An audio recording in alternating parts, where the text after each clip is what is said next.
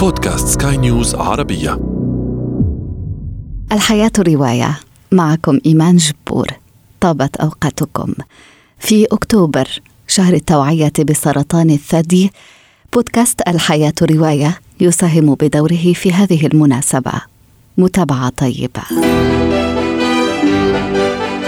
الحياة رواية.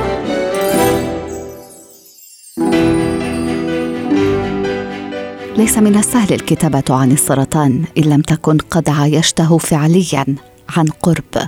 صحيح أن الروايات التي نتناولها اليوم تتحدث عن السرطان لكنها أقرب إلى إرادة الحياة منها إلى الموت.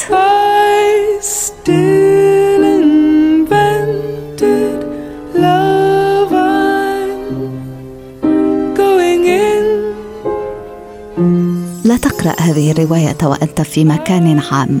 فدموعك ستخونك على الأغلب. قصة الرواية حزينة تدور عن المرض والموت نعم لكن صفحاتها مليئة بالحب والأمل والدفء الإنساني.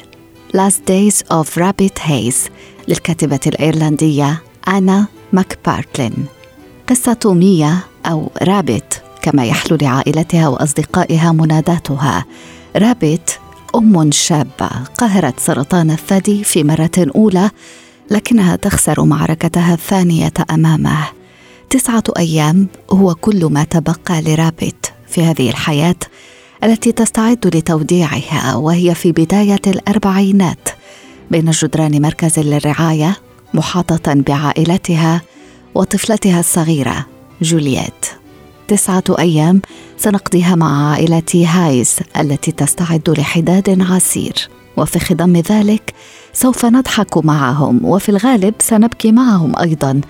رواية مؤثرة تجمع بين مواقف صعبة ولحظات أكثر إشراقا وتفاؤلا لأنه مهما كانت الظروف هناك دائما ضوء في نهاية النفق.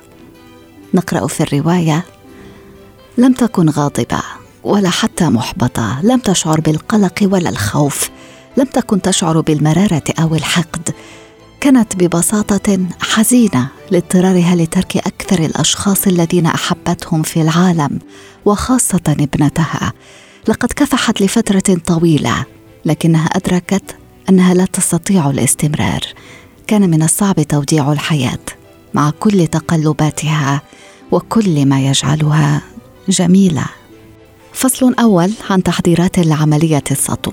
ثم يعود بنا الكاتب إلى الوراء سبعة أشهر.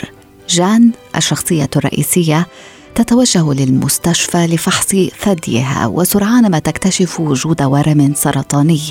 ينقلب نظام حياتها خاصة وأن زوجها لا يدعمها على الإطلاق.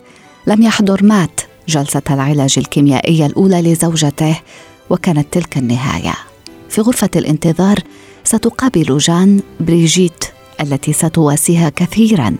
ترتبط الشابتان بصداقة متينة تجمعهما كذلك بمريضتين أخريين ميلودي وآسيا. علاقة أولئك النسوة علاقة أولئك النسوة تمنحهن مساحة للتنفس قليلا ونسيان كابوس العلاج وسيف الموت المسلط على رقابهن. تحمل قصصهن العديد من التقلبات والمفاجآت لكن أجمل ما في الرواية يبقى الصداقة والتضامن بين هؤلاء النساء في مواجهة محنة المرض. لا جوا فيغوس وتعني الفرح الشرس. التفاته تكريم لشجاعة النساء من قبل الكاتب سورج شالاندون What's your name? Hazel. And what's your full name? Hazel Grace Lancaster. هيزل مراهقة في السادسة عشرة زهرة عمر لن يكتمل تفتحها على الأرجح فقد تم تشخيصها بسرطان الغدة الدرقية قبل ثلاث سنوات زحف إبانها الداء الخبيث على رئتيها ولم يعد بمقدورها التنفس بدون أسطوانة الأكسجين التي تحملها معها بلا كلل. بسبب ذلك لم تعد تذهب إلى المدرسة وباتت تقضي معظم وقتها في القراءة. تحضر الاجتماعات الأسبوعية لمرضى سرطان في مثل سنها وإن إرضاء لوالدتها بشكل أساسي. إلى أن تجمعها تلك الجلسات بغاس وسرعان ما يصير صديقها المقرب ثم حبها الكبير. قصة حب بين مراهقين مصابين بالسرطان. قد يذهب تفكيرنا تلقائيا إلى ميلودراما بائسة لكن رواية جون جرين أكثر عمقا من ذلك. سطور قوية تخاطب أرواحنا وتحرك عواطفنا ورغبتنا الجامحة في الاستمتاع بالحياة. The Fault in Our Stars. أقتبس منها يموت المرء في منتصف الحياة في منتصف جملة. وأشكركم على طيب إصغائكم. لقاؤنا يتجدد في عدد مقبل.